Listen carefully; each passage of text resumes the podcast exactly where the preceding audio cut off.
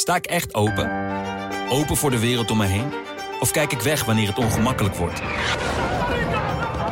Luister ik naar elke stem of sluit ik me af voor het geluid dat me uitdaagt? Met de Volkskrant voel ik me verzekerd van een open vizier op de wereld om me heen. Open je wereld. De Volkskrant. Hallo, mijn naam is Gijs Groenteman. Ik zit niet in een archiefkast op de redactie van de Volkskrant. Ik zit thuis onder de hoogslaper van mijn dochter om een interview aan te kondigen dat ik gisteren heb opgenomen uh, met mijn gast. Uh, ik kan zeggen, we waren op haar kantoor. We waren in een soort studioruimte op haar kantoor. Daar deden, we het, uh, daar deden we het interview. Maar ik kan niet zeggen waar dat kantoor is.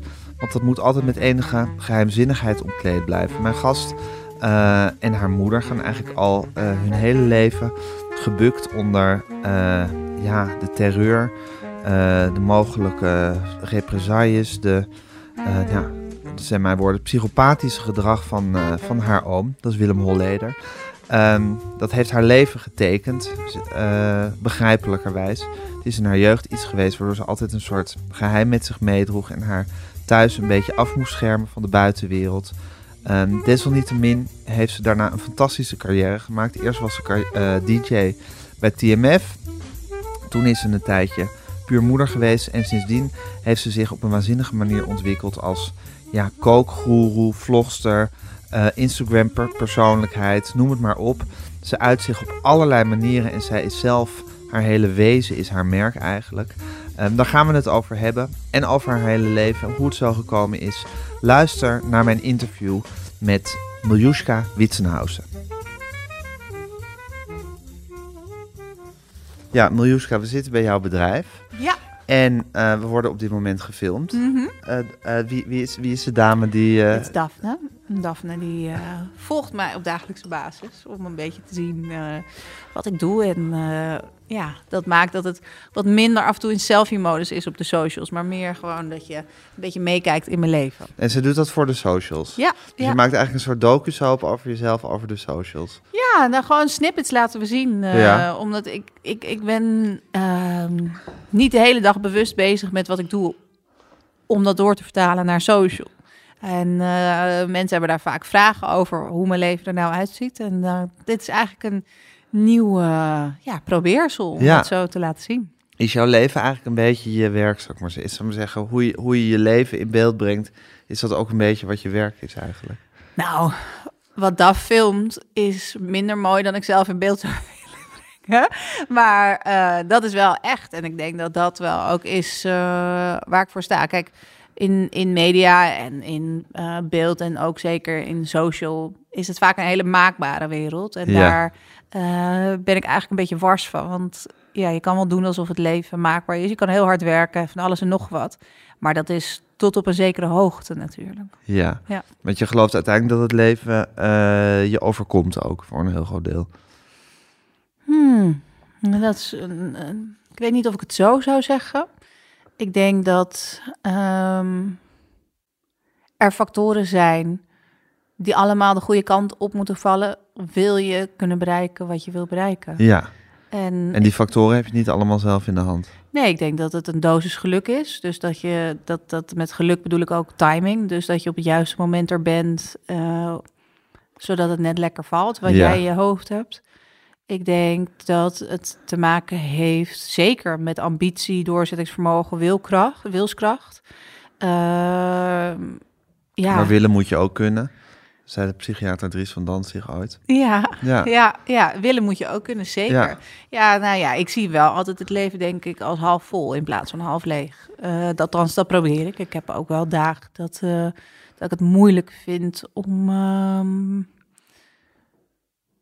om de glans ervan te zien. Maar dan is het wel zo dat ik uiteindelijk ook niet weet wat ik anders zou moeten doen dan gewoon het beste ervan te maken. Waarom, vind je het, waarom zijn er dagen waar, waarbij je het... Vind, vind je eigenlijk dat je een beetje verplicht bent om de glans van dagen te zien?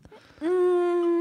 Vind je dat je, vind je, dat je daar je, in ieder geval je uiterste best voor moet doen? Ik vind dat, ja, ik vind dat je dat het leven aan zich verplicht bent. Ja? Ik vind dat iedereen dat, ja, ik vind dat wij. Waarom? hier- nou, je hebt dit gekregen. En ehm, ik weet dat, dat, dat het heel zwaar kan zijn op heel verschillende vlakken door het missen van bepaalde welvaart, door het opgroeien in een eh, bepaald klimaat qua emotie of dat je ziek wordt, weet je, dat, Mhm. dat soort dingen. Eh, maar ja, je bent hier en nu en het is fucking kort. Dus je kan maar beter ervan genieten. En ik, ja, en het beste ervan maken. Ik kan niet anders zeggen dan dat dat is. Want genieten klinkt ook weer zo. eh, ja, je moet iedere dag genieten. Dat is ook gelul. Want je Ja. kan niet genieten als je niet af en toe ook niet Nee, maar geniet. goed, geniet, wat je net zei is eigenlijk dan een vrij adequaat omschrijving. Je moet wel je best doen om de glans ervan te zien. Ik bedoel, Of het lukt is een tweede. Ja, precies. Maar je moet in ieder geval wel het besef hebben van... eigenlijk moet ik nu wel met tot het uiterste inspannen... om het goede ervan in te zien. Ja, Ja, Ja, precies. En dan, ja, dan kan het lukken of niet. En zelfs als je de glans ziet, hoeft het ook niet per se genieten te zijn. Maar dan kan je in ieder geval Ja. eh, doordrongen zijn van het feit dat het leven eh, een cadeau is. ja nou, en het is ook zo dat eh, op de dagen dat dat niet zo voelt, is het ook fijn om te weten dat die er moeten zijn. Wil je ook die andere emoties weer kunnen voelen in zijn volle glorie. Mhm. Dus soms moet je het gewoon even uitzitten. Ja. Ja. en je zei net tegen de dame die ons filmt, ben er nu weer Daphne, Daphne. eh, je zei net van, ik ga nu een uur van mijn ziel geven. Ja. ja, zo voelt dat soms. Ja, ja. Eh, Is dat, is, kan je, kan je dat, bedoel, is dat makkelijk om een uur van je ziel te geven? Nou, mijn hele leven vreemde? ligt op straat. Dus, dus het is niet zo dat ik enige illusie heb dat het dat dat dat dat dat. Kijk, ik weet praktisch niks over jou. Ik heb een Nee. beetje onderzoek gedaan, Mhm. maar ik, eh, ik, ja, ik weet denk ik minder over jou dan jij over mij op dit Mhm. moment. Ehm, dus zo voelt het wel voor mij dat ik echt even zeg: oké, hier eh, ben ik en Ja, kom maar. Maar je, Ja. zegt, je zegt terecht, praktisch mijn hele leven ligt op straat. Mhm. Ehm, ja, is, wat ik me afvraag, is dat jouw leven of is dat wat er op straat ligt een, zou maar zeggen, een eh, afspiegeling van je leven? Of een soort, soort, soort eh, ge- ge- geconstrueerde versie van je leven? Mm. Ja, weet ik niet. Je ziet natuurlijk nooit alles. Ik denk wel dat ik, dat ik heel open ben. Ehm, en iedereen interpreteert het natuurlijk op zijn eigen manier. Mhm. Dus daar ben je ook nog van afhankelijk. Hoe Ja. ik het heb meegemaakt. Zo Maar heb jij het gevoel dat je de mensen die jou volgen eh, en die, die zien wat je maakt en die, die, die lezen wat je schrijft en die, nou zou ik zeggen, dat consumeren wat jij ze allemaal geeft, Mhm. heb je het gevoel dat zij echt tot, tot jouw diepe zelf eh, doordringen? Misschien niet op een dagelijkse basis, maar over de algehele linie wel. Ja, ja. Zeker. Je geeft jezelf, je, je, je, je geeft jezelf wel. Ja, ik ben Ja. natuurlijk een maker. Dus in dat opzicht uh, vind ik altijd ook zo'n uitspraak met maker. Nou, dat ben je toch? Ja, maar dus, dus het is altijd iets dat waar, waar, waar ik mee zit, wat ik uit. En daar dan iets mee ga doen. Ook al is het dus storytelling of een recept maken of een Ja. jurk maken of bij wijze van spreken. Of een foto. En ehm, dat vertelt dan het verhaal waar ik dan in zit. En dan ben ik daarmee bezig en krijg ik heel veel respons. En dan denk ik op een gegeven moment, oké, nou ben ik er helemaal klaar mee. En dat weet je, dus immer die cirkel die, Ja. je, die je maakt. Heb je dat altijd geweten, dat je jezelf zo zou willen uiten? En dat je zo ver zou niet. willen gaan in dat persoonlijke? Oh, dat? Ja. Eh, nee, ik heb gewoon altijd gedacht, ik ben ik en kom maar op. En dat is wat ik ben. Ik heb gewoon mezelf altijd als mijn instrument gezien. Ja, maar dat is wel. Ja, Ja. ja. en dat, maar niet op een manier... Dat klinkt natuurlijk ergens een beetje narcistisch. eh, dat ik zoiets heb van wereld, kijk naar mij. En ergens zit dat natuurlijk in me. Ja. Ehm, maar ja, ik heb nooit gedacht, goh, laat ik eh, rechten gaan studeren of, eh, of geneeskunde. Laat dat mijn doel in het leven zijn. Nee. Nee. Je dacht altijd, ik, ik ben mijn instrument en dat ga ik, dat ga ik gebruiken. Ja, omdat ik vind dat iedereen zijn eigen instrument is. Omdat hetgene wat mij boeit, is hetgene wat glans aan het leven geeft. En dat zijn hele simpele dingen. Dat is hoe ik me letterlijk voel, hoe ik over dingen nadenk. Mhm. En over alle dingen die in- in het huis ja, voorkomen. Dus een maaltijd, eh, lekker gezellig kussentjes op de bank, eh, schoonmaken. Ja, klinkt allemaal heel simpel, maar het is voor mij een soort basis van leven. Zeker. Die, die heel makkelijk te vieren is. En dan heb je blijkbaar een soort zendingsdrang om eh, dat wat jij vindt dat het leven glans geeft, om dat te delen met anderen. ja, om dat te laten zien. ik laat dat gewoon. Ja, je kan ook denken Ja. van ik, ik, ik richt mijn huis zo in en eh, Eh, ik ga daar zelf heel erg van genieten. Maar jij hebt bijna iets, iets, iets, iets, iets vastbeslotens, vastberadens, om dat ook aan de wereld te laten zien. Nou, het wordt wel minder. Dat, dat, dat is gewoon zo. Eh, Ja? Ja, zeker. Was het vroeger nog meer? Nou, kijk, het is eigenlijk heel onbewust begonnen natuurlijk. Doordat Instagram voor mij een soort fotodagboek werd Ja. voor mijn vrienden. Ik heb Ja. eh, gekozen om te stoppen met werken toen ik kinderen kreeg. Dus ik ben de eerde, eerste vier jaar thuis geweest. En daarop deelde ik gewoon, alleen met mijn vrienden in principe. Ik had daar nooit over nagedacht dat je me op privé kon zetten of zo. ehm, wat ik deed op een Ja. dag. Dus dat was in de speeltuin. De ene keer ging ik iets breien, liet ik dat zien. De andere keer maakte ik een hele gans twaalf uur lang in de oven. Dat liet ik zien. En dat ehm, vond aansluiting. Dus Ja. het voelde meer als een soort grote vriendengroep die niet te dichtbij kwam, waar ik ook wel van hou. Ja. Ehm, en ja, daar kreeg je gewoon hele leuke gesprekken door op een veilige afstand. En dat is een soort van ontploft. En daardoor ben ik ook wel op een gegeven moment dingen voor mezelf gaan houden. Want ik, ik hou wel iets privé. Ja, ja, je diepte, dieptes moet je natuurlijk altijd privé houden. Ja, Ja. Maar ehm, je, zei, je zei ook van, ik heb altijd geweten dat ik, of tenminste, ik voelde al heel snel dat ik, dat ik zelf mijn instrument ben en dat ik het daarmee moest doen. Maar goed, dat was toen je bij TMF werkte, was dat in feite natuurlijk ook zo. ja. Dan had je niet je, niet je, hele, eh, je hele huiselijk leven wat je deelde met de wereld. Maar goed, je stond er wel als jezelf en je gaf jezelf en dat was wat het was. Ehm, ja, ehm, maar ik vond daarom ook bij TMF had ik niet het gevoel dat ik ehm, mijn roeping had gevonden. Nee. Omdat ik dacht, ja, wat is dit? Ik ben een soort huishoudboekje aan het voorlezen en ik ben het middelpunt. Ja. Terwijl het dus eigenlijk over de muziek zou moeten gaan. Ik ben natuurlijk wel slim genoeg om te weten dat ik geen kenner ben. Ja. En ook niet binnen zo'n korte tijd zou worden. Dus ik voelde me ontzettend misplaatst daar. Ja, Ehm, en met eten is dat voor mij heel anders. ja, Voor mij is eten altijd de ster. En ben ik een soort levende gebruiksaanwijzing... die mensen letterlijk probeert te enthousiasmeren om te koken. Ja, omdat ik daar zoveel Dus plezier je voelt je in dat eten voel je helemaal prettig, omdat, Ja. omdat dat iets is waar je echt van houdt. Mhm.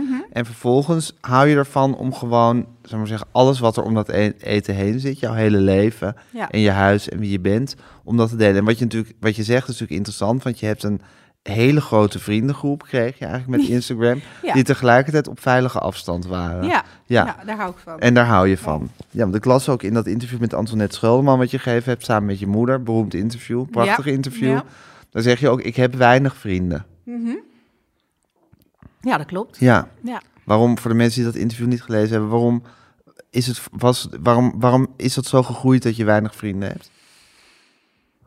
Ja, ik denk dat het heel veel componenten heeft. Maar het heeft ook te maken met het feit dat ik vanaf dag één... altijd een leven binnenshuis had en een leven buitenshuis. Ja, Ehm, dus hoe goed kan je dan bevriend raken uiteindelijk? Ja. Eh, dat, dat is iets wat ik eh, nu steeds meer zie, denk ik. Ehm, omdat je je leven binnenshuis altijd moest, moest scheiden van je leven buitenshuis. Je kon niet onbekommerd vriendjes en vriendinnetjes meenemen. Ja, dat ook. Maar ook omdat... ehm, kijk, mijn moeder heeft gewoon altijd gewerkt. Ehm, en toen ik een jaar of 12, 13 was, was mijn vader ook uit beeld. Ehm, en toen wonen wij in de Scheldestraat in Amsterdam, eh, in de rivierenbuurt. En mijn school zat daar vlak achter. En mijn moeder werkte gewoon heel hard. Dus ik had vaak smiddags gewoon het huis voor mij alleen natuurlijk, zoals veel kinderen dat hebben, de, de sleutelkinderen. Ik ook. Ja, precies. Ehm, dus dan kwamen er prima mensen over de vloer. Maar het is niet zozeer dat er geen mensen bij me over de vloer kwamen. Maar ik besprak gewoon mijn dagen... Ja, mijn... Ik besprak gewoon heel veel dingen niet die privé Nee. waren. Nee. En ik denk dat dat ook niet per se ongezond is. Maar als ehm, je familiegeschiedenis een soort nationaal... eh, ja, eh, cultureel erfgoed is geworden of crimineel erfgoed Ja, dan loop je wel anders een winkel in of de straat op als je weet dat net het hele NOS-journaal er weer over is gegaan en alle kranten eh, op de voorkant bezaaid zijn met je familieleden. Ja, en het is natuurlijk wel apart om je dan te realiseren dat als je een leven leidt, en misschien zeker als kind, waarin je toch een soort deel geheim moet houden, of een deel onbespreekbaar is Mhm. voor, eh, voor je, dat je misschien ook een soort eh, muur opbouwt voor, voor mensen om echt dichtbij, dichtbij eh, te komen. Omdat Ja. je weet dat je ook altijd dat geheime deel moet beschermen. Ja, misschien wel. Het is ook, kijk, ik denk dat heel veel mensen een stuk voor zichzelf houden. En Mhm. ik denk ook dat dat gezond is. Mhm. Ik denk dat bij mij het twisted was omdat iedereen er wat van vond en zogenaamd wat van wist, maar eigenlijk helemaal niks wist. En ik eh, daar ook vooral niks over ging zeggen. Dus ik denk dat daar de, de schizofrenie zat in het Ja. verhaal. Ehm, maar ik ben natuurlijk wel vaker gekwetst in bepaalde situaties waar ik vind dat ik daar eh, mezelf niet al tegen kunnen wapenen, wat puur heeft te maken met een mening en veroordeling van mensen op basis waar ik vandaan kwam. Ehm, en dat is begrijpelijk dat ze daar zo in stonden. Maar dat heeft wel ervoor gezorgd dat de plek waar ik me het fijnste in voel, Mhm. dat is eh, met mezelf. En dat maakt dus dat, dat ehm, ja, die hele oppervlakkige of diepe contacten die mensen kunnen hebben, dat, dat, dat, dat ben ik nog wel aan het leren. Ja, ja. Maar er waren dus eigenlijk twee dingen. Om te beginnen was er, zou ik zeggen, het, het, het geheim wat je moest bewaken. Ehm, ik kan me voorstellen bijvoorbeeld dat kinderen die zeg maar wat totaal andere, andere, andere situatie van jij stond, maar die, die misbruikt worden door hun vader, zeg maar Ja. wat, dat die ook een geheim thuis hebben, Ja. waardoor ze zich, eh, waardoor ze mensen altijd, altijd op een soort afstand zullen houden. Ja. Er kan natuurlijk inderdaad iets, iets naar zijn thuis, waardoor, waardoor je iedereen een beetje weg moet houden, maar dat. En je bent gewoon door de meningen die iedereen heeft had over je oom, over je moeder, weet ik veel wat, eh, een paar keer zo geraakt, dat je gewoon dacht, dan doe ik het zelf maar. ja, Ja, nou ja, ik denk dat, eh, stel je voor je bent nu vluchteling hè? en je komt in Nederland. En dan is het heel moeilijk om open met je gevoel de wereld in te stappen. Mhm. Omdat je weet, er zijn meerdere kampen, weet je. Me- Er zijn mensen die er absoluut niet op zitten te wachten en eieren komen gooien. ja, En er zijn mensen die denken, wauw, kom erbij en eh, leer ons jouw cultuur, bij wijze van spreken. Ehm, dat maakt dat je niet op een nulniveau instapt. Als jij gewoon... eh, ja, ja. Je, eigenlijk iedereen met wie je te maken heeft, kan tot het ene of tot het andere kamp behoren. Ja. En dan moet je altijd een beetje eerst proeven wat het is en kijken of ja, je en dan niet... kan je alsnog een verkeerde... eh, ja, een verkeerde inschatting ja, maken. Ja. Ja, ja. En het is ook menselijk, hè? het hoort erbij, het hoort bij al die processen. Maar ik ben ook wel iemand die toch echt wel heel gevoelig is. Eh, dus eh, dat, ja. Ik, Nou ja, doordat, doordat, eh, doordat het geheimzinnige deel van het leven wat je, wat je moest leiden, zal je misschien ook gewoon gigantische sensoren hebben ontwikkeld. Ja. Voor alles wat er om je heen gebeurt. ik denk dat iedere, iedereen die opgegroeid is met een bepaalde tippito, eieren lopen situatie, dat je, dat je heel gevoelig bent geworden. Ja. Ja. Dat denk ik, Ja. dat, dat, dat dat een automatisch gevolg Dus dat je een soort waanzinnige radar hebt voor wat er om je heen Ja. eh, gebeurt, wat mensen denken. Ik Eh, weet ook precies als wij een vergadering hebben met mijn team op maandagochtend, wie er wel of niet lekker in zijn vel zitten. Dat, dat vinden, ja, ik probeer daar een, soms gaat het gewoon automatisch en ik probeer daar dus eh, op te letten dat ik dat niet doe. Dat ik zeg, gaat het wel? En dan meteen, hoe? Dan denk ik, oh ja, shit, I did it. Eh, ja, dat hoort er gewoon bij. Dat is, dat is een zegen en een, en een, en een Vloek vloek, die, je- die je tegelijkertijd. tegelijkertijd krijgt. Ja, precies. Ja. Die je hebt ontwikkeld ook. Ja, want het is heel mooi natuurlijk dat, dat mensen wel dat soort verhalen met je willen delen over het algemeen. Ja. En dat je, eh, je moet alleen vooral leren om het niet voor iedereen te willen oplossen, omdat je kan het voor niemand oplossen. Nee. En je zei net eh, dat, dat, dat jouw neiging was om te zeggen, nou dan doe ik het wel zelf. Ik bedoel, eh, hou maar iedereen op afstand, want als ik, als ik gekwetst kan worden, dan eh, los, ik- lo- los ik het dan maar liever zelf op. Eh, maar je zei, dat ben ik nu wel aan het leren, Ja. hoe dat anders moet. Ja. Hoe ben je dat aan het leren? Nou, eh, ik heb daar, ik, ik, ik, ik denk dat eigenlijk, Maxima heeft daar laatst natuurlijk een goede brief over geschreven. Ik denk dat alles wat we zouden moeten leren in de basis niet geleerd wordt op school. Ehm, wat je als mens zou mee moeten krijgen. En voor mij is dat natuurlijk ook koken, maar ook bewegen. Hoe je routine bouwt in je leven. Eh, en hoe je leert communiceren en hoe je omgaat met je gevoel. Dus dat, daar heb ik de laatste tijd veel in geïnvesteerd. Ehm, en dat is gewoon, ja, als ik in de kleuterklas zit of in de brugklas van dat, dat ja, spel. Ehm, en dat en welk spel is dat precies? Waar je van in nou, de gewoon kwetsbaar zit? durven zijn en, en, eh, en erop vertrouwen dat het goed komt en dat aftasten en dus niet alles alleen willen doen. Ja. Ja. Ja, want je was eh, wantrouwig en defensief dan misschien. Dat zijn dan woorden die in me opkomen als ja, je dat denk zo zegt. Kijk, bij de vrouwen in mijn familie heb ik dat helemaal niet. Hè? Dus mijn moeder, mijn nichtje, mijn tante, mijn oma, die helaas is overleden net, ehm, heb ik dat niet. Maar eh, sowieso heb ik extreem veel moeite met mannen. en ehm, ja, vind ik gewoon niet fair. Ik heb eh, zelf een zoon. En die ontwikkelt zich langzaam tot man. En ik wil dat ik, eh, en vooral ook naar mijn partner naartoe natuurlijk, wil ik gewoon dat ik daar anders in sta. En dat eh, daarin probeer ik dat eh, stapsgewijs te doen. Ja, want je bent geconditioneerd van jezelf om bij mannen op je voor mannen op je hoede te zijn. Zeker. Ja. En of eronder te zitten of erboven te zitten. moet dus het lastig nooit geweest zijn in de, in de liefde, Miljuska? Ehm, nou ja, valt eigenlijk wel mee. Want als je voor jezelf een plaatje schetst, dat je toch altijd genaaid worden. Dan valt het wel mee. Dan heb je in ieder geval altijd gelijk aan het einde natuurlijk. Want dat werkt natuurlijk altijd die kant op. Zeker, dan wordt het Dus- een self-fulfilling prophecy. Precies. Wordt het. Dus, maar ik heb echt wel geluk in mijn leven gehad. Dat ik. eh, Ja, maar het is ook lastig, want dan, moet, dan, dan, dan ga je ook automatisch altijd in de situatie je manoeuvreren waarin dat gebeurt. Ja, weet ik niet. Ik, ik, ik heb echt ook wel ehm, relaties gehad waarin dat absoluut niet waar, zo was. Dus het is, weet je wel, het is. Ik, ik, ik heb echt wel liefde op andere manieren leren kennen, maar het vertrouwen daarvan is, is ingewikkeld geweest. Ja. En ik, ik, ik heb dan de gewoonte om eerder te kijken naar wat mijn wantrouwen te bevestigt dan wat mij het vertrouwen zou moeten geven. En Ja. daar eh, probeer ik hard aan te werken. Ja, ja. Was er, was er een cue? Is, is, dat, is dat de ontwikkeling van je zoon? Dat, je- dat, je, dat je jezelf eigenlijk tot de orde hebt geroepen en dacht, ik moet hier nu... eh, ik, Nou, moet, ik moet anders tegenover het fenomeen man gaan staan.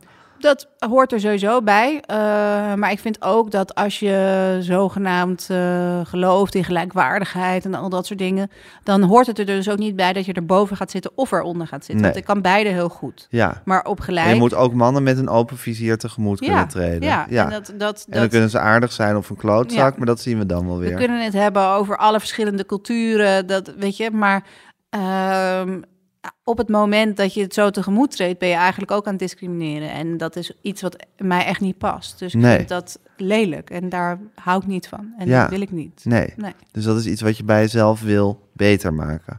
Ja. Ja. Ja. En wanneer kwam je tot dat besef? Hmm.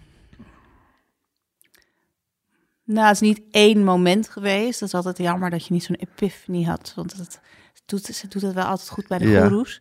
Eh, maar ehm, nee, dat is een geleidelijk proces geweest. En het is gewoon ook omdat ik echt heel veel van mijn man hou. ehm, en het wil wer- laten werken met Ja. z'n tweeën. In plaats van dat je constant met die flying kicker ingaat. Of juist alleen maar, oh, wel, wat het, het, weet je Ja, wel. precies. Het perfecte vrouwtje speelt. Ja. Dus, ehm, Je dacht, ik moet mijn huwelijk of mijn relatie een faire kans geven. ja. En dan moet ik zelf echt anders in deze materie gaan ja, staan. Ja, want je ziet het vaak hè, bij mensen dat, dat je kan eh, uit iedere relatie stappen, maar in iedere relatie neem je jezelf mee. Ja, Dus je kan heel makkelijk zeggen, ja, maar hij en, en, en zij en dit en dat. Ja, uiteindelijk is het grootste goed, denk ik, naar jezelf te kijken en daar iets mee te doen. En eh, ja, het is ook beangstigend, omdat ik heb zelf twee kinderen. En die zijn 10 en 12. Heb jij kinderen? zeker. Ja. Ook twee van 10 en 12. Ja, en dan denk je opeens, holy shit, je bent je hele leven bezig te fixen wat daar is gebeurd. En ik heb echt al wel wat fouten gemaakt. Dus eh, ja, dat, dat is wel dat je denkt, oei. Ja. Ja. Ja, nou, op zich vind ik het ook wel weer goed dat je je hele leven bezig bent met je jeugd fixen. Ja. heb, je, heb, je tenminste, heb je tenminste wat te doen in je leven? Ja, goed, er zijn grenzen. Ik bedoel, Ja. het moet, moet binnen het betamelijke blijven. Maar goed doen we het toch nooit als ouders. Dus Nee, dat is, eh, nee, dat is een je ding wat probeert zeker goed is. genoeg te doen. Als je maar Dat probeert is, eh, goed genoeg te doen. ja. Hey, en Miljuska, wat fascinerend was, en eh, als, ik, als ik daarmee te ver ga, moet je het maar zeggen. Oeh. Maar ik stond hier net voor de deur. Ja. Eh, ik zit nu even te denken aan hoe jij, eh, hoe jij bent en hoe jij ehm, de buitenwereld monstert ook, zou ik maar Mhm. zeggen. Ik stond net bij de, bij, de, bij de deur te kijken op welke bel ik moest bellen. Toen kwam je aanlopen en toen was je nog helemaal gesloten, zou ik maar zeggen. Ja, Je, ja. was, je, was, bedoel, het was, je was iemand met wie ik eigenlijk onmogelijk contact kon krijgen. Ja, ik heb ook echt een kutochtend gehad, dus daar ligt het ook aan. Oké, Eh, nee, maar dat dus, vond ik. eh, Nee, maar ik wil je dat. Ik, vind- ik vind ook dat je dat je recht hebt op een kutochtend. En ik vind ook dat je eh, helemaal niet. Maar het grappige is dus toen, dus je, je, je stoof me voorbij, je stoof naar het kantoor om even te praten met weet ik veel wie. En ik werd eh, naar deze plek gebracht. En toen kwam je hier binnen en toen was je, was je totaal anders. Ja. Ik bedoel, toen stond je met Daphne dat te doen. En je zei dus, ik ga een, een uur van mijn ziel geven. Nou, Ja. dat ben je aan het doen. Ja. Maar dat, ik vond het fascinerend Ja. hoe je de ene was en hoe je de ander was. Ja, nee, ik had, ik had net een hele situatie. Ik woon eh, ergens waar het niet zo makkelijk bereikbaar is. En dan kom ik vast te staan. En ergens kan ik, echt waar ik heel slecht echt kan, is net op tijd komen of te laat. Je wil te vroeg zijn ja, eigenlijk. ja, dus dat. Want eh, je wil... eh, ik wil jou ontvangen. Ja, jij komt precies. hier voor mij. En dus, dus jij stond er al en dan ben ik helemaal verslag. En ik heb natuurlijk ook niet eh, op dit moment de, ehm, hoe zeg je dat, de controle over mijn leven zoals ik die normaal heb, doordat ik eh, mijn enkelbanden heb gescheurd en Ja. mijn voet heb gebroken. ja. Eh, dus alles gaat langzamer, alles. Ik denk, mm, ja, want ik eh. zei ook nog tegen je van, nou, je, je loopt wel weer goed. Ja. En, toen, en toen storm je zei, ja, want ik ben er, weer, ik ben er helemaal klaar mee. ja, ik ben er helemaal klaar mee. Dus, ehm, Dus dan eh, besluit je ook gewoon van, ik ga gewoon lopen, fuck die pijn. Of Eh, gedeeltelijk. Ik ben gewoon, ik ben, ik ga, ik zoek wel goede hulp erbij. Dus ik ben Mhm. eh, gisteren naar een goede fysio geweest en eh, die zegt, nou kleine stukjes lopen zelf mag dat. Ja. Ja, prima. Ehm, en dan maak ik gewoon een plan van aanpak en da- dan heb ik een doel en dan kan ik het afwerken en dan heb ik het gevoel dat ik iets nuttigs doe met die Mhm. enkel. Anders dan denk ik, ja, we zitten een soort van in het ongewisse, hou ik helemaal niet van. Ja. Ehm, dus, ehm, maar het, gewoon de simpele dingen. Ik ben, ik ben natuurlijk van, van origine gewoon echt een Jordaanese. Simpele dingen als mijn vaatwasser uitruimen, mijn kasten inruimen zoals ik het wil, de was doen zoals ik het wil. Gewoon 's ochtends even alles glad trekken, even de kussens op, op, opkloppen. Ja, daar, daar word ik helemaal peuneveu van. Ik, dat is nu dus al twee weken zo aan de hand. Eh, ja, het is jammer dat de luisteraars je niet kunnen zien, want je had een soort... Ja, toen je dat, dat opnoemde wat je allemaal een wil soort doen... ninja. Ja, had je nou een soort blik van, ik wil godverdomme mijn vaatwasser gewoon Ja, uitruimen. Ja, het zijn die hele simpele dingen Ja. die voor mij routine brengen en voor mij rust brengen. En Mhm. dat is gewoon, ik denk dat het voor veel mensen herkenbaar is dat je dat het, dat het gewoon een van je eikpunten op de dag is die gewoon belangrijk zijn. Uh-huh. En ik kan ook vakantie allemaal hartstikke leuk en aardig. Eh, dat klinkt echt super verwend. Maar ik, ik wil gewoon na vijf dagen zelf koken. Ik wil gewoon dan iets opruimen. Dan ga ik gewoon ook de kast inruimen in de hotelkamer en weer uitruimen. Of de koffer opnieuw inpakken. Het zijn gewoon... Ja, ik heb geen OCD of zo. Maar het is wel... Ik vind dat soort dagelijkse kleine dingen die het leven gewoon iets geordener en glansrijker maken heel belangrijk. Ja. Ja. Je wil misschien ook gewoon controle houden over je eigen leven. Eh, ja, Er zit iets, er zit, er zit een vleugje dwangmatig in, in dit. nee, ik hou zeker van controle Ja. over mijn eigen leven. Ja, Ja. ja. en dat is. eh, En daar hoort bij, ik doe de vaatwasser, ik doe de kasten, ik kook voor mezelf en voor mijn gezin. Ja, Ja, ja nou, ik vind ook dat het, het voelt voor mij een beetje als falen ook als ik niet goed voor mijn gezin kan zorgen. Dat is gewoon mijn, mijn voor mij het allerbelangrijkste wat ik heb. Mhm. En dan, sommige dingen ben ik echt helemaal niet goed in. En dat doet mijn partner supergoed. Eh en dat, dat, dat, dat, dat, geef ik ook gewoon toe. Dan zeg ik ook, dat kan hem natuurlijk wel eens frustreren. Dan zegt hij, eh, ja, maar waarom doe je dat dan nooit? Dan zeg ik, ja, maar daar ben jij gewoon heel goed in. Dat doe ik Ja. gewoon niet. En dan, eh, maar sommige dingen vind ik gewoon, dat, dat, dat, dat, die wil ik gewoon doen. Ja, ja, ja. precies. En of je op vakantie bent of weet ik veel, maakt niet uit. Dan heb je gewoon dan voel je op een gegeven moment gewoon weer die, die drang om Ja. dat te doen. Ja. En om dan zelf het heft in eigen handen te nemen. Ja. ja precies. Ik zou het dus ook fantastisch vinden om op een gegeven moment zo'n organizerbedrijf te hebben. Weet je, dat je zo'n huis in gaat en dat je alles uit de kast trekt, alles weer gaat reorganiseren en lekker schoonmaken. Ja, dat klinkt heel raar, maar ik volg dus allemaal van dat soort accounts ook. Van, Mhm. eh, je hebt van die mensen in Amerika die gaan dan aanbellen en die zeggen: Mag ik dan jullie grasmat en eh, de heggen weer op orde maken? Oh ja, er zit altijd zo'n emotioneel verhaal bij, nou, dan skip. Maar dan voor en na, nou echt, soms beter dan seks. En eh, dat hetzelfde met schoonmaakvideo's. Of pimpelpopper. Het is gewoon een voor en een na. Het is een quick fix. Dat is mijn drugs. En andere mensen hebben andere dingen nodig. satisfaction. Ja, en Soms ik beter dan nodig. seks. Ja, ja, Ja. ja. ja. Is seks eigenlijk ingewikkeld geweest met je, met je, met je verhouding tot mannen? Nee. Ehm, Of is dat zo'n ander universum dat dat wel gewoon... Ja, ik vind dat, ik vind dat sowieso een moeilijke vraag. Ik denk zo ook dat, dat het voor mensen... Kijk, zo'n zo'n quote geef je, dat is echt gewoon punchline. Hè? Soms beter dan seks. Dus dat is heel oppervlakkig Ja. eigenlijk. Ehm, dus als je dan de diepte ingaat, dan wordt het weer een ander verhaal. Ja, maar dan wordt Ehm, het echt over seks praten. ja. Dat is nou helemaal iets ingewikkeld. Ja, en dat Ja. vind ik ook... Dat, dat, dat is een wereld die ik voor mezelf hou. Ja, dat Dus snap ik ook. Ik zou ook nooit, eh, ik krijg echt zo vaak campagnes aangeboden voor allemaal vulva, superdingen en eh, easy toys, weet ik van links en rechts. Nou, daar bedank ik vriendelijk voor. Ja. Dat is dat, ik vind het heel fijn dat er mensen zijn die het doen. Ik vind het heel fijn dat het bestaat. En ik heb zelf eh, echt wel mijn zorgen op dit moment over wat er gaat komen met de jeugd. Als je kijkt naar wat er online allemaal te vinden is. En dat je denkt dat dat de norm is. Mhm. Dus ik loop heel vaak in huis, loop ik te roepen.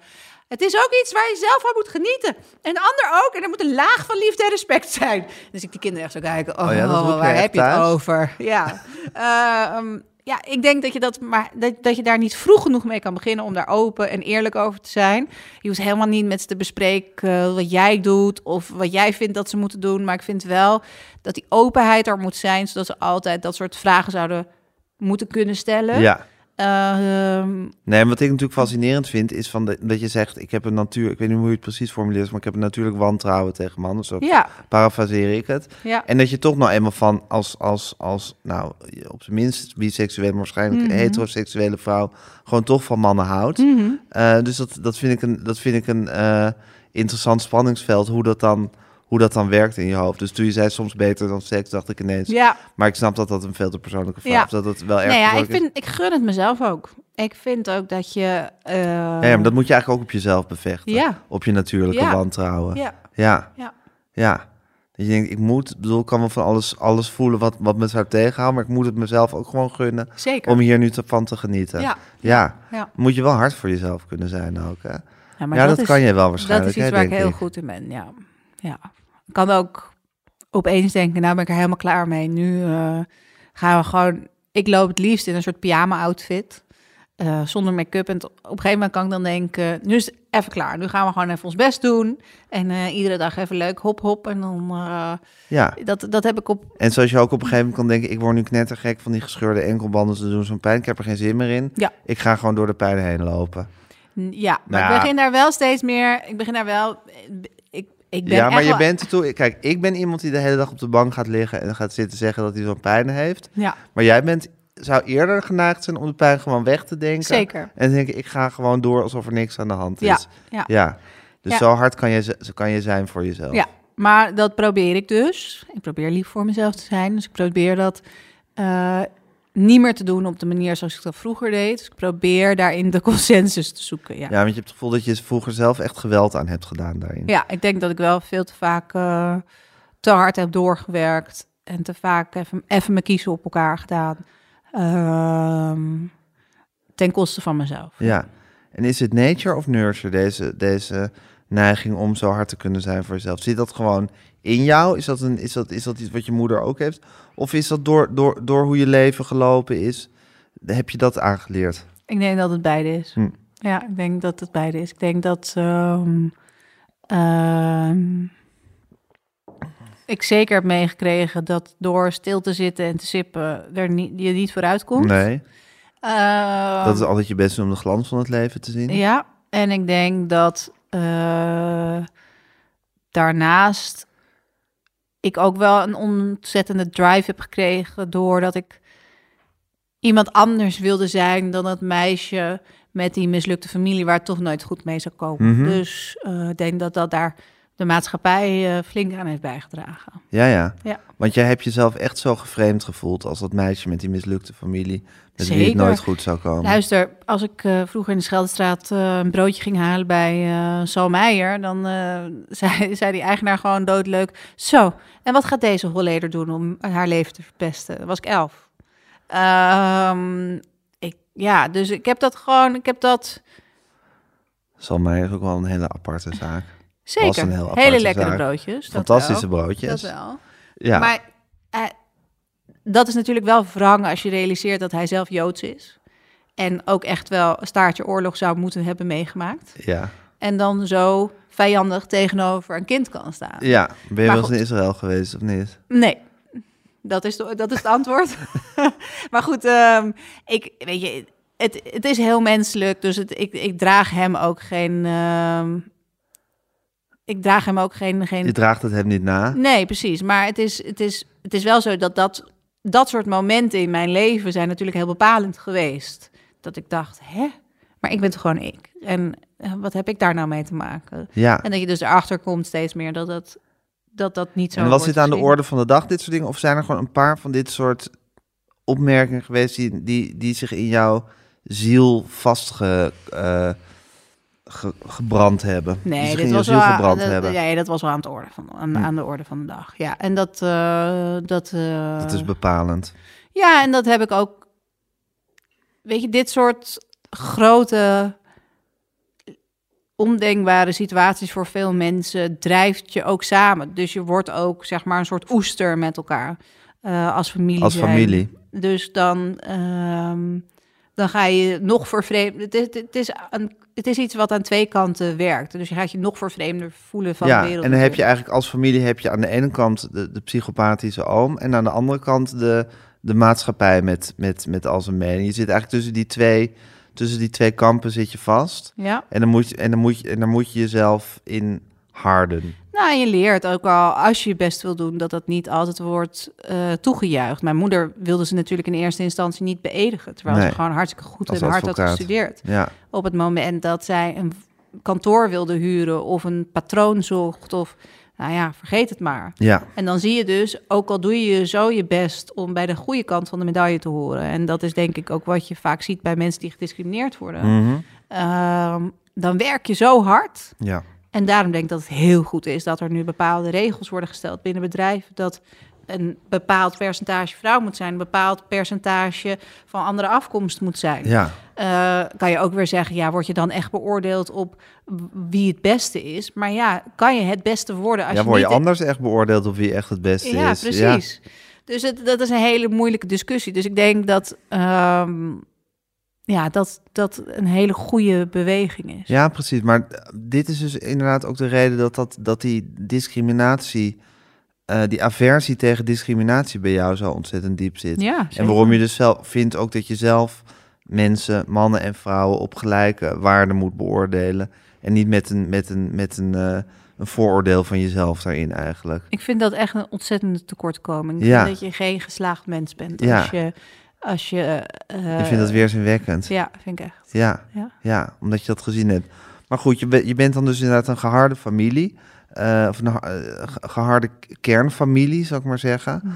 eh, tegen de buitenwereld. En ehm, eh, met, met een hele grote drive dan bij jou om te laten zien dat je daar, dat je daar overheen kan komen. Hm. Dus, dus dan moet je hard zijn voor jezelf. En dus enigszins, eh, dus, dus, dus super ambitieus en fanatiek om het te gaan maken in de maatschappij of op, op de manier waarop je het wil. En tegelijkertijd ook met een soort vleug eenzaamheid, omdat het ook moeilijk is om mensen echt toe te laten. En dan vind je dus, dat vind ik echt fascinerend, in Instagram die soort amorfe groep vrienden die dichtbij en ver weg tegelijkertijd is. Ja, heerlijk. Dat moet echt een sensatie voor je zijn ja, geweest. ja, ja, zeker. Dat ik dacht, oeh, dit is helemaal het wil hebben. Ja. ja, ja, ja. Nee, Ja, dat klopt. Ja. Want ze zijn een soort van anoniem, want het zijn er zo heel veel ja, maar dat was in het begin natuurlijk niet zo.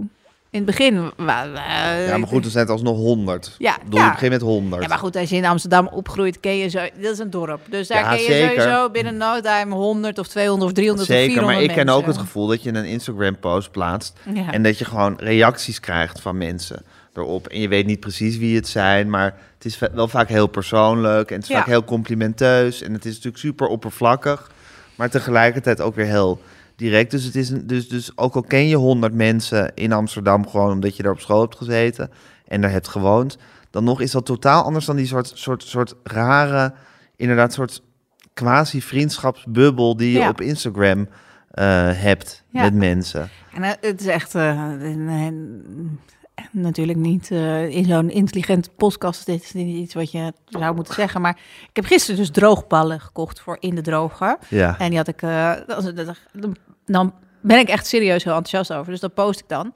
En dan iedereen. Oh my god, kan je ons laten weten hoe het werkt en of het werkt? En ik ga het ook bestellen. En dan voel ik me dus verantwoordelijk voor de mensen die nu ook al bestellen. Denk ik, ja, jullie weten helemaal nog niet hoe het werkt. We moeten nog Ja. testen. Stop. Ja. Eh, andere mensen die allemaal zeggen, oh, hoe werkt het? Denk ik, even rustig aan, ik ben nog bezig. Eh, maar aan de andere kant denk ik wel, hé, wat gezellig dat we dit met z'n allen kunnen bespreken. Want ik tegen mijn man zeg, "Maar kijk, ik heb een zak met droogballen. Dan zegt hij, ja. En dan, weet je, je vindt bij alles wat jij leuk vindt een paar gesprekspartners waar je lekker mee kan beppen. Ja. Ja, ik vind dat, en op afstand, heerlijk. Maar dat is toch, dat, ik vind het eigenlijk ontroerend, Miljuska. Ja, Heb je ooit een, heb je een beste vriendin gehad in je leven? Dat wel. Zeker, die heb ik ook nog steeds. Oh, die Ja. heb je nog steeds. Dat is Ja. er eentje. Je ja. hebt één beste vriendin. Ja. En kan je daarmee communiceren over droogballen of niet? Eh, Boeit dat haar? Nou, niet echt per se, maar zij is een soort ehm, ja, hippie. Dus zij vindt alles leuk wat ik zeg. Weet je wel, ze zal nooit zeggen. Ga je nou met die droogballen tegen mij beginnen? Nee, zij zegt dan. Oh, nou, Mil kan zoveel genieten dat jij dat zo leuk vindt. Weet Ja. je wel? Dus eh, nee, die is juist. eh, Oké, maar toch toen je die Instagram ontdekte, was dat eigenlijk je substituut vriendengroep met wie je gewoon al je dagelijkse beslommeringen, lekkere recepten, Ja. gekke dingen uit het huishouden. En de keerzijde ervan, al die negatieve dingen die je krijgt, Ja. dat is natuurlijk iets. Ik heb wel een olifantenhuid gekweekt Mhm. door waar ik vandaan kwam. Dus dan denk ik altijd, ja, dat zegt meer over jou dan over mij dat je dit naar mij tikt. En er zijn wel dagen dat het me kan raken, maar dat heeft meer met mijn hormonale spiegel te maken dan dat het met mijn psyche te maken heeft. Ehm, maar dat, ja, dat, dat, ja, dat is gewoon, in principe is het heel gezellig. Ja, en Instagram is natuurlijk een overwegend positief medium. Ja, Ik bedoel, het is niet zo erg geen als wanneer je op Twitter zit. nee, maar dat doe ik ook niet meer aan. Nee, Dat vind ik precies. echt, eh, dat gaat te ver. bellen. Nee, dat Ja. vind ik allemaal zo negatief. Dat, Ja. eh, daar heb ik geen zin in. Ja, maar goed, dus met, met, met, op Insta ontdekte je dus die vrienden die dan af en toe wel een klein wanklankje lieten horen, maar over het algemeen toch gewoon vol interesse waren. Mhm. En genoot je ervan dat je toen eigenlijk zo'n, dat je, dat je je leven toch ineens toch ook zo publiek kon gaan leiden? Nou ja, het is natuurlijk een gekke samenloop van omstandigheden. Dus het begint als een fotodagboek voor vrienden. In een soort. Ook als je een huismoeder bent, heb je natuurlijk niet alle vrijheid meer die je daarvoor hebt. Mhm. Dus op die, die manier kan je ook makkelijker contacten onderhouden. En dan op een gegeven moment was er de noodzaak dat ik natuurlijk mijn eigen geld ging verdienen weer. En dan, eh, toen werd het opeens een tool. Want toen opeens begonnen mensen te zien dat dat ook handig was om in te zetten. Ehm, en zo langzaam groei je dan er dan naartoe dat iedereen meekijkt. Ja. En dus pas je ook dingen aan. Ik laat mijn kinderen bijna niet meer zien. Bijvoorbeeld, ik vind dat zij recht hebben om hun eigen leven te ontwikkelen op hun eigen manier. Mhm. Ik deel niet waar ze op school zitten of eh, wat hun interesses per se zijn. Ja, soms een glimps, maar echt veel minder dan vroeger. Omdat Ja. ik vind dat de groep te groot is geworden. Ja, Daarom denk ik ook dat het goed is dat nu ga je naar abonnementen toe bij Instagram. Dat klinkt heel commercieel, maar waarom zou je iedereen toelaten in al die privé, terwijl je daarmee eigenlijk een muur erop gooit van als je echt geïnteresseerd bent, dan mag je een kijkje komen nemen.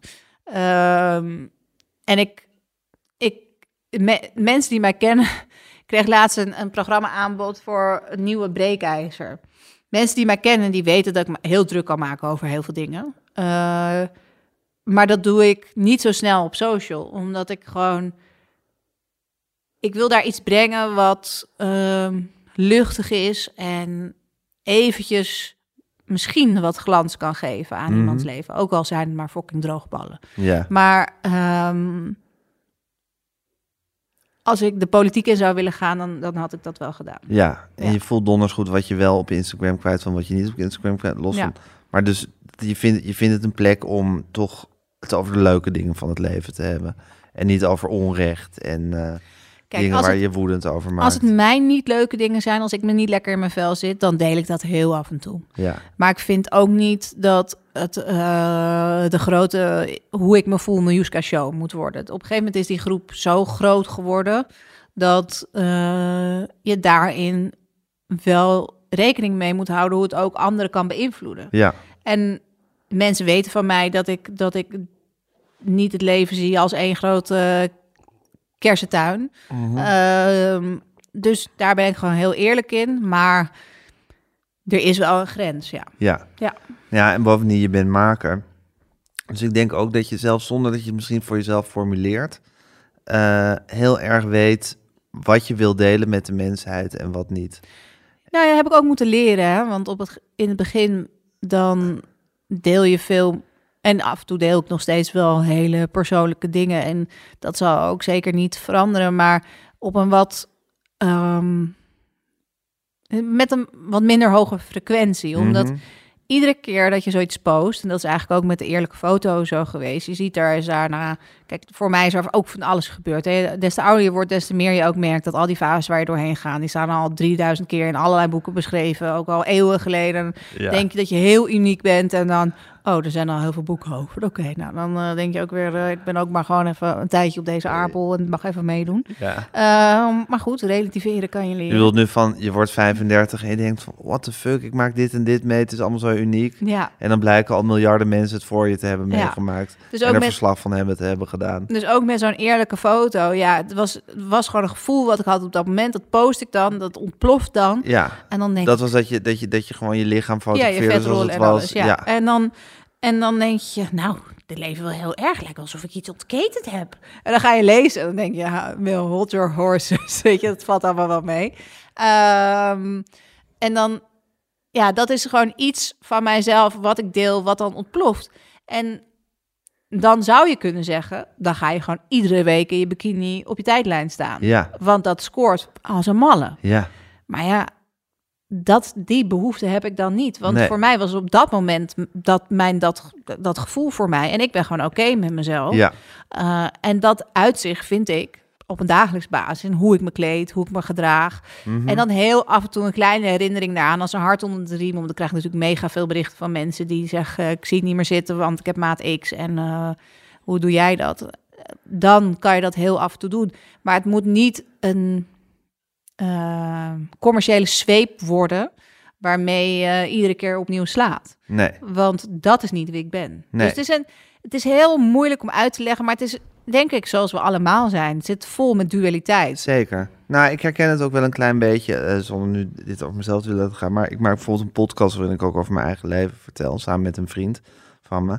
En eh, ik merk wel echt, dat is uiteraard eh, is, het een, is het een afspiegeling van ons leven. En het klopt ook met ons leven. En tegelijkertijd is het maar een flintertje van ons leven. Ja, Want je, ja, ja de, de, de echte diepe dieptes hou je toch voor jezelf. En Ja. de donkere kanten of de, de als, als, je het, als je het echt moeilijk hebt. Dus je, je, kan, je kan heel goed een heel, aan de ene kant een heel waarheidsgetrouwe afspiegeling van je leven geven, die tegelijkertijd ook weer een heleboel weglaat. Ja en ik vind ook, kijk... eh, Maar dat doe je automatisch volgens mij. Ja, ik denk het ook. En ik, ik durf wel te zeggen dat ik iets meer van mezelf laat zien dan de meeste mensen. Maar ehm, ik vind ook dat je moet waken dat, ja, je mag het laten zien, maar je bent niet de raadgever. Nee. Kijk, ik heb niet gestudeerd voor psychologie. Ik heb eh, ook niet gestudeerd voor sport of wat dan ook. En dan had je het wel gedaan. Ja, het Ja. is niet mijn plek, Nee. weet je wel. En eh, heel vaak krijg ik die vraag, ja, ik eh, zit niet goed in mijn vel, wat moet ik doen? Dan zeg ik altijd, ga naar de huisarts, ga erover praten. Eh, want dat is de plek. En dan doorverwijzen. Ja. Ehm, en ja, d- d- er gaat me niet een dank worden afgenomen, maar al die mensen die pretenderen te weten hoe het zit, die allemaal daar hun businessmodel van maken, ja, hoe kan je opstaan en jezelf iedere dag in de spiegel kijken? Denk je echt dat je het weet? Because we all don't know. Je, we denken misschien heel even een moment dat je het weet. En dan een uur later denk je, ja, ik snap eigenlijk toch helemaal niks van. Het is toch allemaal anders. Ja, Ja. ja. En dat, Dat een geploeter is het, hè, het leven. ja, maar het is ook wel... weer leuk geploeter, maar Als je, iedere, als je het iedere keer ziet als een uitdaging, dan, Ja. dan, dan ja, het is een soort Mario-spel. Ja, maar het is, ook, het is ook wel de hele tijd weer een uitdaging Ja, waar je, waar, die je aan moet gaan. ja. Ja. ja, je mag ook af en toe op de bank ploffen en denken, oh, gaan we weer, ik heb er zo geen zin in. Ja, nou dat doe ik de hele tijd. En jij bent dan iemand die weer een kast gaat uitruimen waarschijnlijk. Precies, Ja. ja. Of een nieuw business idee bedenkt, zodat ik daar Of weer een nieuw in business. Nou, wegloop van mijn ieder emoties. zijn meug. Ja, Het is toch wel grappig, Miljuska, zoals het leven loopt, dat iemand die dus opgroeit in een huis wat je altijd een soort afgeschermd moet houden van de buitenwereld, Mhm. dat juist jij een leven leidt wat, je- wat je nu helemaal opengooit. Dat doet me eigenlijk denken aan het verhaal van ehm Karin Bloemen, volgens mij heeft Arthur Chapin een boek over geschreven, die, die dus, eh, die dus eh, onder ernstig misbruik leed in haar jeugd. En er zijn eigenlijk twee plekken waar je veilig was. Of als je je helemaal verstopte. Of als je in het volle spotlight eh, op het toneel ging staan. Het is ook een soort vlucht naar voren natuurlijk. Ja, ik denk dat je daar wel een goed punt hebt. Ja. En ik, ehm, Geniet je daar ook van? van wat? Nou, dat je gewoon het, eh, het open hebt gegooid. Je leven. Nee, niet per se. Nee, ik geniet het meeste gewoon... Ja, het zijn kleine momenten, dus... ehm, nou, ik zeg nee. Kijk, ik geniet van kleine momenten, zoals een film kijken met mijn gezin... of een wandeling maken met de hond, of eh, lekker samen een maaltijd maken. Ehm, en ik gun dat anderen ook. En ik denk dat het goed is dat je die herkenbaarheid bij elkaar hebt. Dat je, ik vind dat ook fijn om te zien bij anderen. Mhm. Dus ik geniet ervan dat andere mensen mee kunnen genieten omdat ze zichzelf zien. Ik denk dat dat het is. En ik heb dat ook weer bij anderen. Dus, maar het hele aspect bekend zijn of dat is niet iets waar ik van geniet. Dat is iets wat ik eerder ehm, Als een Ja. last ziet. nou, last is een te groot woord, maar Als een keerzijde. ja, nee, ongemakkelijk. Ongemakkelijk. Voor andere mensen vooral. Mhm. Kom ik binnenlopen en dan, eh, ja, ingewikkeld gewoon. Wat moet je met zo iemand?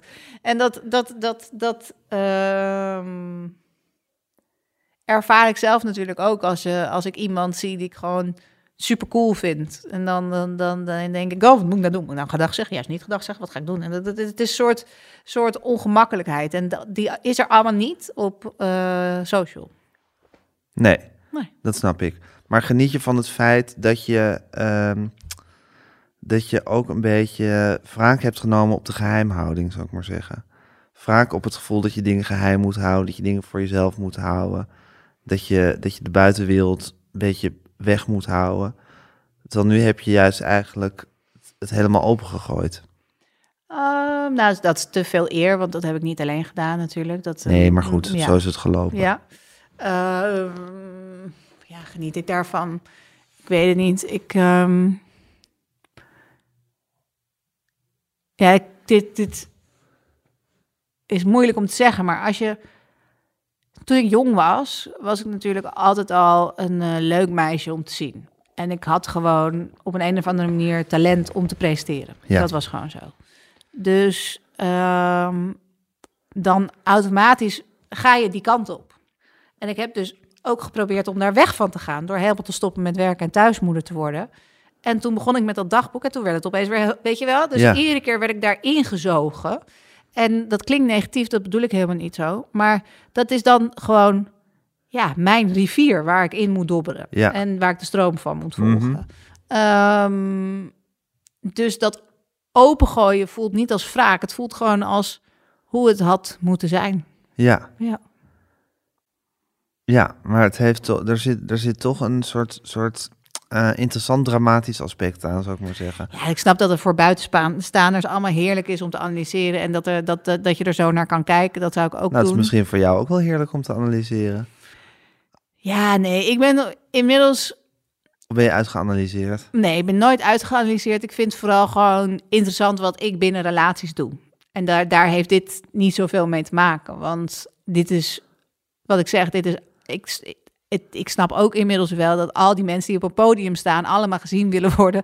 Omdat ze waarschijnlijk iets tekort zijn gekomen vroeger. Dus het is ook heel wrang als je erover nadenkt dat iedereen die geïdealiseerd wordt, eigenlijk gewoon best het wel fucked up is. is. ja, Ja, ja, ja. Dus, ehm, maar dat is niet zo'n mooie conclusie Nee, als je erover nadenkt. nee, Nee. nee. Eh, ik bedenk me nu nog één ander ding, Miljuska. Eh het komt dat je er zelf over hebt. Dat je inderdaad als, toen, toen je jong was in die TMF-wereld terecht kwam. Ja. Je, was, eh, je bent nog steeds en je was toen ook al beeldschoon Mhm. en jong en je kon presenteren. Het is natuurlijk ook een wereld die bekend staat als, als toch een soort ja, wereld vol mannelijke haaien en een soort prooitjes die daar, Nou ja, die daar daar had, ik, rondlopen. daar had ik gelukkig mijn, eh mijn supergoed afgestelde TomTom. Ja, was, dat, was dat een wat was jouw, jou, was, jouw, was jouw aangeleerde wantrouwen tegen mannen, was dat nuttig in die tijd? Zeker, Ja, ja. Ik heb me nooit in een... Ja, ik zeg nooit nooit, maar ik heb me nooit in een situatie bevonden waarin... ehm, ik heb daar altijd rekening mee gehouden dat ik een bepaalde afstand hield en nooit alleen zou komen met iemand op een bepaald moment. ja precies. Ja. Want je was, je, was al, je was al voorbedacht op alles eigenlijk, Zeker. Voordat het überhaupt mis kon gaan. Ja, en dus, daar, dus daar ben je nooit ook maar een heel klein beetje naïef in geweest. Nee, en zelfs toen is, is me nog wel, zijn me nog wel ongemakkelijke situaties natuurlijk overkomen als ze vrouw zijn. Hè? Ja, Eh, maar dat, eh, ja, als ik, moet je nagaan als ik dat niet had gehad. ja Dan- precies. Dan was het, was het waarschijnlijk eh, nog veel erger Ja, geweest. als je als, als, je als je als lief meisje van 17 Ja. uit de provincie, zou ik maar zeggen, komt met niet een soort, soort, soort hele heftige familiegeschiedenis, wat je, waar, waar er dan ineens over je heen valt. Ik denk dat het vrij pittig moet zijn. Ja, Ja, ja. Maar goed, het hangt er ook maar vanaf uit welk gezin je komt. Zeker. Je hebt zeven broers en je hebt gezien hoe die huishouden. Ja, dan, precies. eh, Dan ben je ja. ook alweer gehard Ja. door het leven Ja, natuurlijk. dus, dus ik. En dat is, dat is waarom ik ook steeds minder interviews doe. Omdat het is vaak een herhaling van. En ze had het zo kut. en Toen is ze heel hard gaan werken. En nu is ze geslaagd, weet je. Ehm, het, is, het is altijd dat soort vanzelfde cirkeltje wat we... De, het een soort van American Dream die we Mhm. elkaar ophangen. Ehm, maar ja, ik ga nog steeds soms naar bed met hetzelfde kutgevoel. En dat het, wat je zegt, het leven is gewoon ploeteren en dat is oké. Ehm, en daarom ben ik bijna allergisch voor van, oh, je bent geslaagd. Ook als ik een prijs win, ja, voel ik me fucking ongemakkelijk. Dan ga ik eh, degene bedanken die het feest heeft georganiseerd. En dan zeg ik ja, en ik ben natuurlijk eh, vandaag die hier staat, maar eigenlijk iedereen in de zaal. En dan, eh, dan zeggen, zeggen mensen tegen mij, je moet gewoon een keer dan zeggen, nou, dankjewel. ja, En ook vinden dat je het hebt verdiend. Terwijl ik denk, ja, well, farce allemaal. ja. Ja. ja, maar dat is natuurlijk ook jouw soort... ehm, omdat je die extreem scherp afgestelde radar hebt over wat ieder, waar iedereen mee bezig is, wat ze, aan het, wat, wat ze voelen, wat ze denken, zie je ook gewoon heel goed de onzinnigheid van een ja, spektakel of mensen die allemaal belangrijk aan het doen zijn of Ja. die zichzelf aan het opfluffen zijn met interessant doenerij. Ja. Dat, eh, daar geloof je natuurlijk gewoon niet in. Nee, en dan is het natuurlijk ook ehm, zo dat je heel veel dingen niet gaat vieren. En dat, dat leer ik heel goed van mijn partner om dingen wel te vieren. Dat dat belangrijk is. Dus, dus toen ik mijn eerste magazine had uitgebracht, had hij een klein feestje thuis georganiseerd. Ja, dat is iets wat voor mij heel dierbaar is geworden, wat ik nooit had verwacht. Dat simpele feestje. Ja, Ja. Omdat, ehm, omdat het een moment vieren is van iets wat je hebt bereikt. Eh, Al dan niet alleen, al dan met mensen of wat dan ook, maar dat dat dan en dat toe te laten, dat is voor mij eigenlijk dan nog een groter, ja, een grotere prestatie dan, Dat hele magazine. Ja. Ja. Ja, want iets vieren is, is jezelf iets gunnen. Of dat is met een soort blijdschap bij iets stilstaan. ja, En jouw neiging is meer hard zijn voor jezelf en door naar het volgende magazine. ja, Ja. ja, Ja, dus in die zin is geluk iets wat je ook een beetje moet... Want geluk is natuurlijk inderdaad dat feestje vieren. Ja. En genieten, genieten dat, het er, dat het er is. En dus geluk is wat dat betreft iets wat je wel een beetje beve- moet bevechten op het leven. Je moet jezelf dan wel met, een beetje met de haren bijslepen en zeggen... nu hiervan genieten. Ja. Ja, Terwijl ik wel over het algemeen een basisgevoel van geluk heb. Dat denk ik wel. Je hebt Ja. heel veel mensen die zien... ja je, bent niet, je bent niet zwaarmoedig van jezelf. Nee, Nee. nee.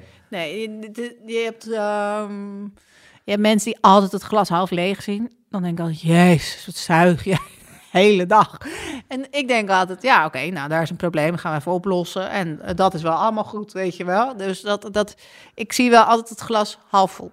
Ja. Ja. ja, en je hebt, niet, je, hebt, je, je hebt geen donkere, zwarte geest van jezelf. Je bent, je bent Nee. in principe redelijk licht Ja. van aard, maar je bent ook hard voor jezelf. Ja, en ik kan echt wel een donkere dag hebben natuurlijk. Maar ja. ik denk dat dat er ook wel bij hoort. Ja, en je bent extreem gericht op wat er allemaal om je heen gebeurt en hoe dat gaat. ja. En dat, dat een beetje dempen zou af en toe ook misschien wel prettig zijn. Ja, maar het maakt me ook wel weer goed in wat ik doe. Ja, Want bijvoorbeeld eh, met een boek of een magazine of wat dan ook. Voor mij is het extreem belangrijk dat iedereen, dat er naar gestreven wordt, Ja. dat iedereen het op tijd het is een krijgt. zegen en een last, wat Ja, je zei. Of ja. een zegen en een vloek, wat je zei tegelijkertijd. Dus het is daar ook, weet je wel, je kan wel heel erg eh, blijven hangen en klagen en miezemausen over wat er kut is in het leven. Kijk, ik had eigenlijk helemaal ge- geen ambitie om dit vandaag te vertellen, maar dus je zei, ik, ik kom hier aan vanochtend best wel, eh, best wel eh, voortvarend en in mijn eigen wereld. Dat komt omdat ik, omdat ik gisteren, omdat ik kreeg er zoveel berichten over eh, Judas 2 heb gekeken. En dat was ik eigenlijk niet van plan. de Videoland-serie. Ja.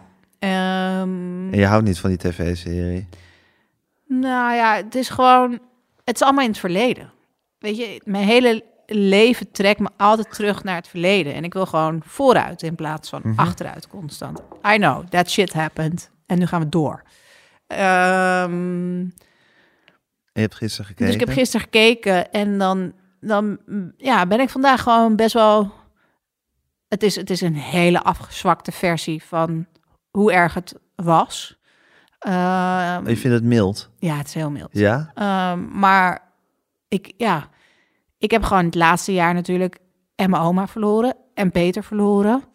En dat, dat is iets, omdat ik gewend ben om altijd vooruit te rennen, is dat iets wat eh, dan nu mij even grijpt. Dat verdriet daarvan. Ehm, ik vind dat heel moeilijk, om dat er ook te laten zijn. Omdat ik het gevoel heb dat ik dan eh, mijn leven ergens vergooi. Weet je wel, dat, ik- dat ik, dat ik zo'n dag niet het pak wat ik zou moeten pakken. En eh, dan ga ik dus in een soort van Berlijnse muur zitten. En ehm, ja, dat is wat, wat jij vanochtend zag. Ja. En dat maakt het dan vandaag een donkere dag. Ja. Eh, terwijl eigenlijk natuurlijk eh, het verdriet daarover voelen en de frustratie is natuurlijk... Het, ik, ik snap dat je vindt dat je jezelf dat eigenlijk niet mag gunnen, omdat, dat, omdat je dan eigenlijk je, je vindt dat je je tijd verspeelt. Terwijl het natuurlijk eigenlijk ook een beetje hetzelfde is als een feestje vieren. Ja, maar het heeft ook zo weinig zin.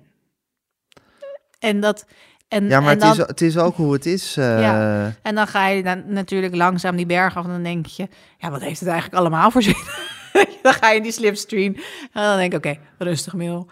Eet maar gewoon even een chocoladetaart. En dan denk ik, oh ja, nou, best wel weer leuk het leven. ja, Dus het dat zijn is die het hele- van chocoladetaart. Ja, dat zijn die hele basic things waardoor je dan weer even terugkomt. Ja. Ja.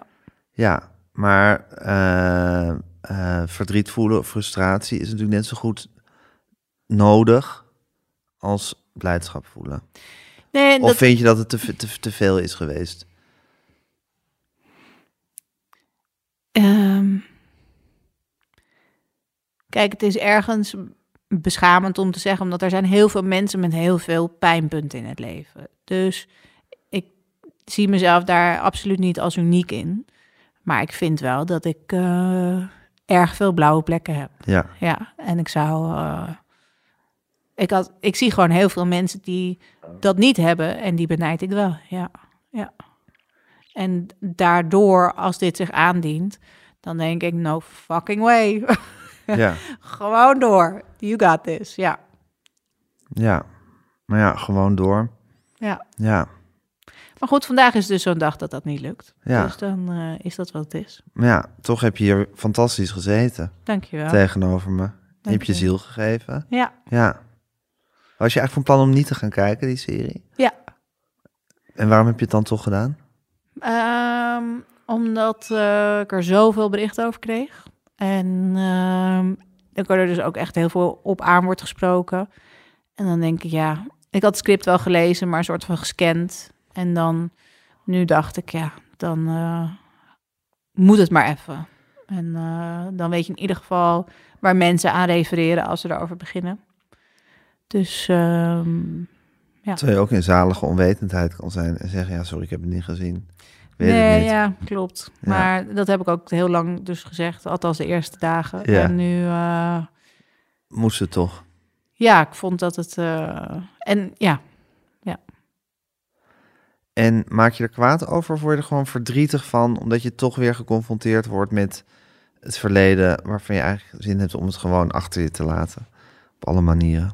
Ja, ik denk dat het meer twee Ja, is. precies. Ja. Kwaadheid of wrok of wraak is meestal een verlengde van verdriet die ze weg niet kan vinden. Ja. Dus ehm, ik vind dat ook een zwakte over het algemeen. Ik vind het een zwakte als mensen gaan lopen, stampvoeten of schreeuwen of slaan. Dan denk ik, eh, Kan meer. ja, maar dan neem ik je ook niet meer serieus. Denk, wat doe je nou moeilijk? Ja. Doe even rustig. Zeg wat je wil zeggen in mijn gezicht. En dan gaan we erover praten. Of niet, of we gaan allebei even afkoelen.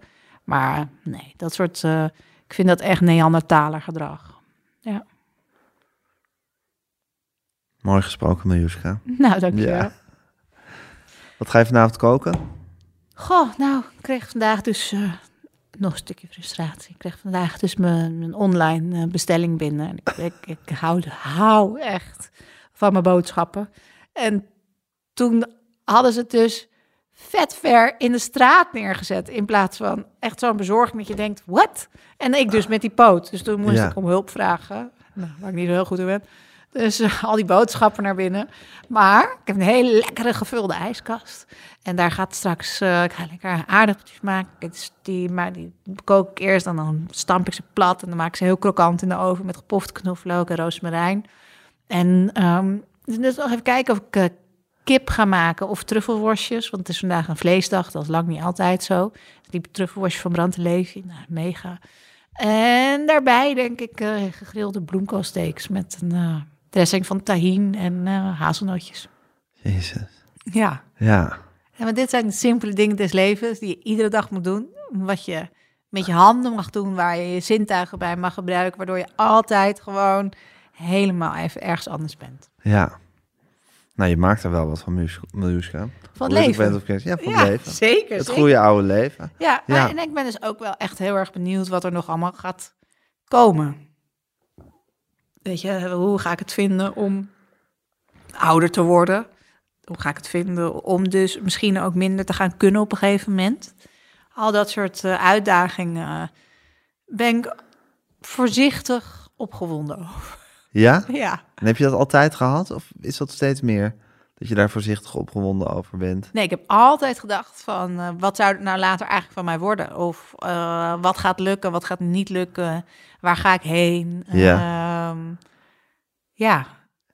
Ook omdat ik denk dat je hebt maar, jij, dat- dat heb ik al eerder gezegd, maar je hebt maar zoveel onder controle. Ik kan wel echt eh, allemaal doelen stellen en daarheen willen werken. Maar ja, als je enkel breekt, fuck you, je kan Ja. even helemaal niks meer. Mhm. En dat is nog een hele milde versie. Weet je, ik heb ook vriendinnen om me heen die inmiddels eh, natuurlijk eh, tante K op visite hebben gehad. Ja, het leven is zo flinterdun en succes is zo flinterdun dat ik, Ja. dat ik dus altijd denk, En, en de lijn tussen leven en dood zijn is zo flinterdun. ja, ja. ja. dat ik altijd denk, waar er gaan zo we heen? overheen. Ja. ja. En dat, dat, dat, als ik naar mijn kinderen kijk, dan echt vanaf dat ze geboren werden, zei ik altijd, ik wil zo graag een glazen bol hebben. Eventjes spieken, waar gaan ze zijn over 25 jaar? Weet Ja. je? En niet zozeer omdat ik me zorgen maak, maar gewoon, ik ben zo nieuwsgierig. Ik wil En wat er gaat komen. Ja, Ja, zo graag In dat weten. interview met Antoinette Schulman zei je ook... ik geloof dat el- elk mens een bepaald aantal hartenkloppen heeft in zijn leven. Ja, Met andere woorden, dat ging over... eh, niet te hard rennen dus. Nee. Nee, maar het, ja, precies. Want dan gaat je hart sneller kloppen. Ja. ja, het is het eerder voorbij. Ja. Nee, maar dat ging natuurlijk over, de, over toch de dreiging waarin eh, sowieso je moeder altijd leeft. Mhm. En jij in, in het gevolg daarvan ook. Mhm. En toen zei je toch ook, had je er ook iets relativerends over. van, Ja, goed, het is op een manier zal het wel een soort bepaald zijn van tevoren of zo. Ik weet niet of je dat gelooft. Ja. Of dat er toch. Dus dat je daar ook een soort van berustend in moet zijn. Van als het klaar is, is het klaar. Ja, En dan Kan. is het maar zo. Nee, het is gewoon, het leven is wat het is.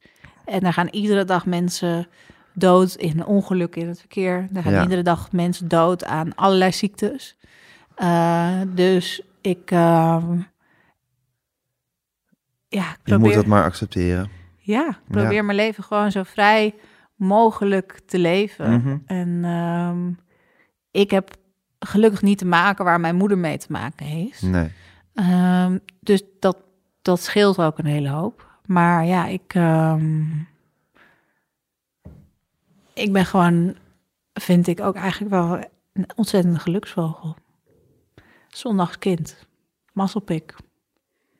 Ja, Geniet ervan. dankjewel. Dankjewel. Dankjewel voor je tijd. Dit was mijn interview met Miljuska Witsenhausen. Mijn naam is Gijs Groenteman.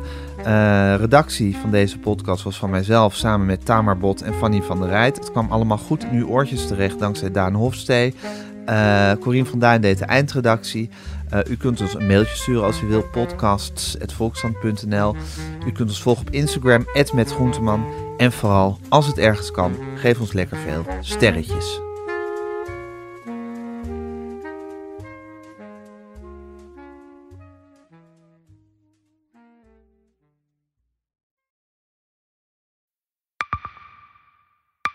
Zijn leven is overhoop gegooid.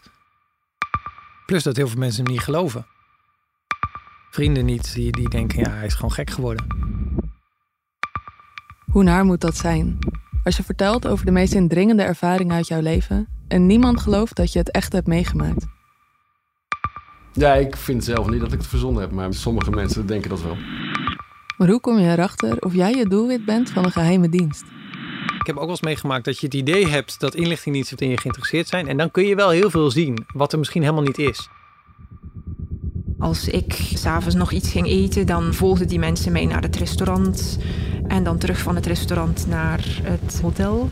Als zij op een gegeven moment zei, kijk maar uit, want anders word je dadelijk nog ontvoerd ook. Shit, ik moet hier weg. Dat is, is niet goed. Nu word ik gevolgd. Een soort Truman Show is het gewoon. Hè? Alsof dat hele straatbeeld voor jou is ingericht. Maar dan wel met bedoeling jou, jou niet door te laten. Dit kan geen toeval zijn. Een nieuwe podcast van de Volkskrant. Mijn naam is Simone Eleveld en samen met Huid Modderkolk ontrafel ik een bizarre operatie van de geheime dienst. Wat het doel ook is, jij verliest het. Ik werd opgepakt, heel lang ondervraagd. Maar hoe krijg je grip in een wereld die zo onderzichtig is? Als je zou liegen, dan zou je niet de meest relevante informatie twee jaar later tussen neus en lippen doorvertellen. Er zal nooit iemand zeggen, oké Bart, ik geloof je. Nooit, nooit. Dit kan geen toeval zijn. Vanaf 3 oktober bij de Volkskrant. Ik weet niet of ik ook alles kan vertellen. Het is echt te bizar. Wat? Ehm, ja. Sta ik echt open? Open voor de wereld om me heen? Of kijk ik weg wanneer het ongemakkelijk wordt? Luister ik naar elke stem of sluit ik me af voor het geluid dat me uitdaagt? Met de Volkskrant voel ik me verzekerd van een open vizier op de wereld om me heen. Open je wereld. De Volkskrant.